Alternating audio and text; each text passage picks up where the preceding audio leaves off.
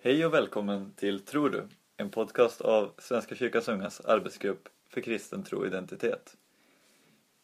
Den här gången så kommer det handla om kloster och kommunitetsliv och jag som leder den här podcasten är Andreas Rovio. Med mig idag så har jag en gäst, Klara Hurtig. Skulle du vilja presentera dig själv, Klara? Ja, jag heter som sagt Klara Hurtig. Jag är 21 år och nu har jag läst eh, gymnasielärarprogrammet ett halvår med svenska som första ämne. Roligt. Ja, så du precis som jag bor här i, i Uppsala. Mm. Eh, och du är född här va? Ja, jag är född, född och uppvuxen här så det har inte varit ett så stort steg egentligen att flytta från eh, hemifrån till studentrum. Nej, det är nära hem i alla fall. Eh, jag bjöd in dig här idag för jag vet att eh, du har varit en tid i Alsike kloster. Mm. Eh, skulle du vilja berätta lite grann hur kom det sig att du kom dit och hur länge var du där och vad gjorde du? Ja, jag var där som volontär i, under ett läsår, 2014-2015. Och det, det kändes, ja, jag hade liksom under gymnasiet haft en, en längtan länge efter att få se ett liv med, med bön och arbete i en helhet och där troliv blir helgjutet liksom, i, i totalt och hängivet. Eh, jag var nyfiken på, på kloster och kände att jag hade, genom bekantskaper så, så har systrarna alltid stått nära min familj eller min församling som jag är uppvuxen i. Hade du besökt där innan du var som volontär? Ett tillfälle, ett Mm. tillfälle med min ungdomsgrupp i kyrkan. Mhm. Spännande. Men det har också varit att när de har eh, varit eh, i reportage i tidningar så har de ofta hamnat eh, på kylskåpsdörren så här. Mm. Så att de har alltid funnits Så det var som ett fan lite grann. Men alltid funnits naturligt hemma liksom i samtalsämnen och böner och sådär. Just det. Ja. Spännande. När du var där, vad, vad gjorde du med konkret? Du var volontär alltså, vad fick du göra? Mm. Det, det var allt mellan himmel och jord. Det, det är ju ett, ett sätt att dela livet så det blir, det blir vad som eh, stunden, för stunden krävs eller vad, vad man håller på med för stunden. Så det blev mycket hushållssysslor att eh, städa, hjälpa till med bokföring, sortera brev och papper, åka och, och handla, skjutsa människor eh, till olika ställen i Uppsala, runt om Knivsta. Men sen så finns det ju pågående eh, hela tiden bönerytmen utifrån tidebönerna. Och det blir ju som klostrets puls och som ger som pelare åt det här arbetet och åt det här livet. Så det, det är en rutin som är helt fantastisk och som, som verkligen var stort att få gå in i och, och dela under så, så lång tid. Det var, det var verkligen fantastiskt. Tidebönen är ju en, en ganska gammal tradition i kyrkan. Eh, men har varit i Svenska kyrkan eh, var det ganska undanskymd plats ett tag. Eh, nu på en del ställen så har det blivit populärare att be tideböner. Men jag förstår att du gillar tideböner väldigt mycket. Mm. Vad, vad tycker du är, är speciellt med dem och varför? Vad är det som de ger? Jag, jag upptäckte, för mig så, så kom jag för första gången i nära kontakt med tidebönen genom eh, ett år på bibelskola där jag, jag tyckte om att använda tidebönen själv. Och jag tyckte att det var en, en sån vila att dels få be med, med saltaren eh, och också att få, få bli liksom fri från sina egna ord. Att när mina ord inte räcker till så får jag vila i den här rytmen och i den här stabiliteten. Och det, det blev så... Ja, nej men det, det, är så, det är så otroligt rikt. Och en väldig vila och puls i det pågående livet. Hur många gånger var det i klostret per dag? I klostret så är det sex tillfällen per dag. Från morgon till Ja. kväll eller sen kväll kanske? Jag var inte med på, på exempel det allra tidigaste sådär. Vilken tid var den? Eh, klockan sju, så egentligen... men men eh, det, var, det var jätte... Det var så härligt att kunna gå från, från de här pågående vardagssysslorna till att ja, men nu ber vi sex och nu ber vi vesper. Eh, och det var, ja, det var jättesvårt att åka där, alltså åka ur det. För när man gör, gör det i en gemenskap så är det en sån bärkraft i gemenskapen också. Så det blir, det blir på ett annat sätt när man är själv med Men det, ja, det var, var verkligen i klostrets hjärta. Mm. Visst är det det salta läsning och så någon läsning ur mm. det Nya Testamentet? Va? Ja, precis tillsammans med lovsånger ur, ur evangelierna. Och, mm. Mm. Just det. Så det är ganska, ganska enkla men, eh, mm. men Väldigt spräng, sprängfullt ja, stoff liksom. Ja. Vad, vad mer utmärker klosterlivet som du märkte nu där om tidebönen är pulsen? Vad mer finns det som är speciellt? En väldig... Eh, ja, det är ju, alltså hängivenheten och överlåtelsen är ju så påtaglig. Jag tycker att man ser att den här gudslängtan, det, det sitter i hela huset. och en, en väldig eh, också uppmärksamhet mot världen. Alltså att man, man har sitt fokus mot Gud hela tiden.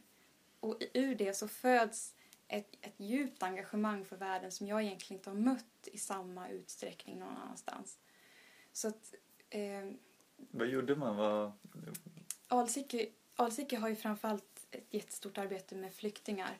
Att de ger fristad för, för människor som, som behöver hjälp och skydd. Och det, det, det, det syntes ju, det influerar ju allt. Man lever ju ett storfamiljsliv. Och, och det, det var jättestort att få, få, få vara en del av det och se det. Så ni hade nästan alltid folk där som bodde då? Ja, mm. verkligen. Huset är fullt. Hur många nunnor är det som bor där? Det, det är tre stycken eh, nunnor mm. eh, som, eh, som är Helgandsystrar. Och det är två som lever på klostret. Så mm. det är en som lever, eller bor på äldreboende men kommer regelbundet till klostret. Just. Var det fler? Var det du som var volontär eller var ni flera? När du var där? Eh, vi var två volontärer och eh, den andra tjejen som var där hon hade hon var jätteduktig i svensk, i svensk undervisning. Så dagligen så hade hon eh, undervisning med flyktingarna som bodde där. Och hjälpte dem då att utveckla språket. Just. Kom hon dit samtidigt som du? Hade hon ja, varit där Ja, hon hade varit, vi kom dit samtidigt. Men hon hade varit där en termin tidigare också. Ja. Mm. Så att eh, mm, hon hade liksom knutit an till dem och byggt upp den här svenskundervisningen som var väldigt välfungerande. Roligt. Blev det som du tänkte innan du åkte dit? Vad hade du för förväntningar? Eller blev det helt annorlunda än vad du trodde? Eh, både och. Eh, verkligen. Det, man har ju liksom föreställningar. Vad, vad är kloster och vad... Eh, man har sett liksom Sound of Music och man har såna här föreställningar. Och det, det som jag längtade efter, liksom, att få, få se den här bönerytmen och hängivenheten, det, det, det, det, det, verkligen, det präglar ju hela huset, hela livet där. Så det kände jag liksom att, åh, vad, vilken gåva att få, va, få vara i det här.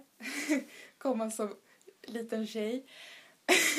Men sen allt det här, eh, just med, med kulturerna, alltså det är människor med så många olika språk, nationaliteter, det är flyktingar, det är gäster som kommer dit Eh, ett jättestort socialt nätverk av advokater och andra medarbetare som, som håller i det här. Det hade jag liksom aldrig kunnat föreställa mig vidden av det här, det här livet och hur liksom oh, pulsen, det, är så mycket, det var så färgstarkt och så mångfaldigt. Och det, det blev man helt överrumplad av. Det hände lite mer än vad man kanske Ja, tänkte det var, det var verkligen otroligt att få, få dras in i. Väldigt färgstark miljö. Och samtidigt i allt bara en sån... Jag hittade min gamla dagbok så här från min, min första kväll. Jag liksom, det är sån frid här och det är sån kärlek i hela vägg, väggarna. Liksom. Att alla människor som kommer in där eh, äger en sån värdighet oavsett om man, vad man har för tro eller vem man är, var man kommer ifrån för, för problematik eller vad, om man är förföljd. Allt, det, det är liksom människan. Så alla äger en sån värdighet. När du, när du tänker tillbaka, för vad känner du att du har tagit med dig mest med tanke på verksamheten och det du säger om hur man får möta människor? Så vad, vad känner du att du har fått med dig, speciellt som du inte riktigt Mm. tänkte på innan eller så? Och det är så svårt att säga en, någonting specifikt för det var så... Det, det vände ju... Det utmanar verkligen perspektiv. Det var en livsstil som jag aldrig har, har mött på så nära håll förut. Och, och de prioriteringar och värderingar eh, som klostret gör, det, man, blir, man blir liksom berörd in i, in i sitt innersta på något sätt. Så att det, det har jag verkligen tagit med mig. Allt, alltså det här att, att leva, att visa sin tro genom sina handlingar och genom sitt, hur man möter människor, det, det är så påtagligt hos systrarna. Och, och det har jag blivit väldigt inspirerad av. Jag tänker att kopplingen du gjorde mellan just tidebönen och verksamheten som pågick i klostret som jag tror att jag kan ofta tänkt och många tänker nog att, att kloster har man en bild av kan vara väldigt instängda. Eh, och så. Mm. Men, men här är ju en helt annan bild. Ja, Här är en bild av helt tvärtom. ja, helt tvärtom, att man, man eh, engagerar sig på ett sätt som nästan inte har, nå- har något liknande. Men alltså det finns ju andra som engagerar sig med ett väldigt stort engagemang. Mm. Ja, det är en väldigt spännande balans mellan det här att leva så mycket för människor, för världen, att finnas till, vara självutgivande som, som jag... Alsike blev ett så starkt exempel på det. Och samtidigt behålla fokus på Gud hela tiden, i allting. Eh, och det var jätteinspirerande att se systrarna i det. Att eh, jag tror, alltså nu har ju, det, det är så sorgligt om man ser till historien hur länge Sverige har varit utan klosterliv, tycker jag. För jag tror att kloster är en väldigt viktig del av kyrkan och liksom för att, för att samhället ska hålla sig friskt, om man kan uttrycka sig så. Just för att de i, i, sin, i sin totala överlåtelse, som den här yttre liksom kallelsen uttrycker, att det, att det blir en, en att det hjälper andra människor i deras yttre kallelse att hålla, hålla fokus. Se vad är väsentligt, vad är vi alla kallade till? Vad, eh, ja, Mm. att de, de får vara liksom en, en hjälp i att, i att bemöta människor, dels i deras längtan efter fördjupning, efter bön, efter, efter Jesus och i deras konkreta behov av eh, mat eller en, en, upp, en ja, fristad, ett uppehåll, en, en tid sådär. Så den här konkretionen, en materiell hjälp och en, en hjälp i, i, i mer liksom andliga delar. Men det är verkligen låta liksom, den andliga Ja. inspirationen också övergå till, Ja. till handling som ni faktiskt gör när den Ja. verkligen är där. Verkligen. Och att det måste vara så att man inte kan skilja dem från varandra. Liksom. Mm. Det, det var jätte, eh, jätte, jättehäftigt att se. Kul att höra att du har varit med så mycket och att eh, du vill dela det. Hur är det nu? Har du någon kontakt med, med oss? Ja, jag, jag pluggar ju på heltid men jag försöker åka dit så ofta jag kan. Eh, och eh, det hoppas jag kunna göra framöver. Känner att det är skönt att, att få komma tillbaka dit med jämna mellanrum. Och... Mm. Mm. Så jag tycker det är häftigt.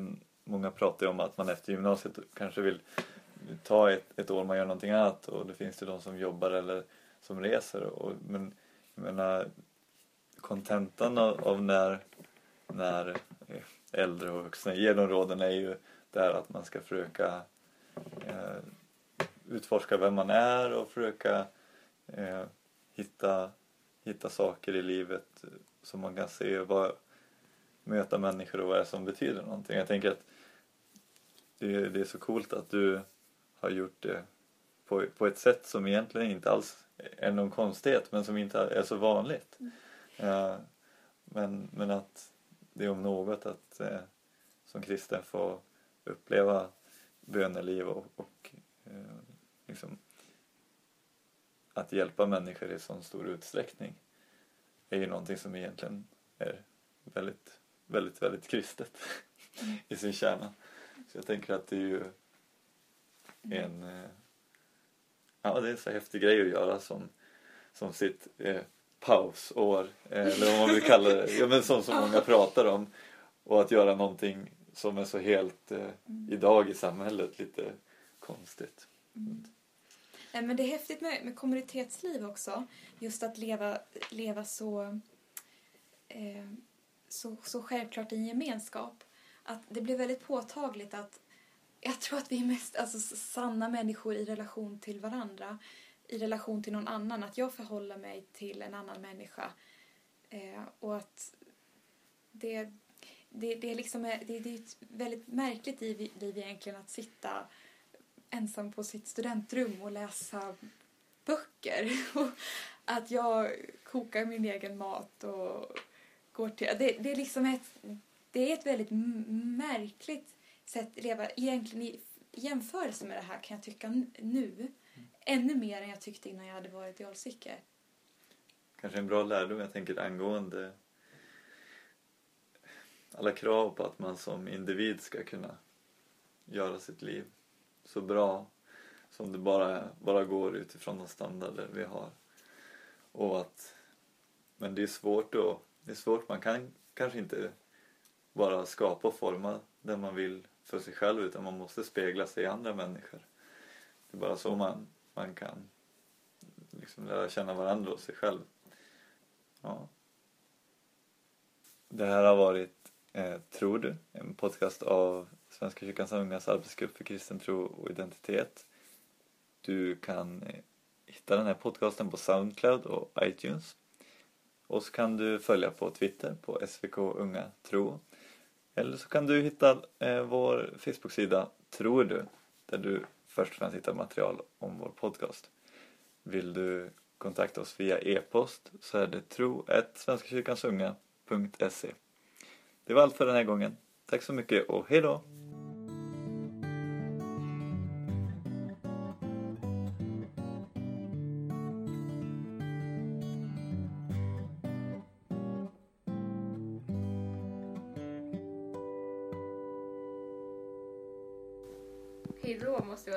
måste vara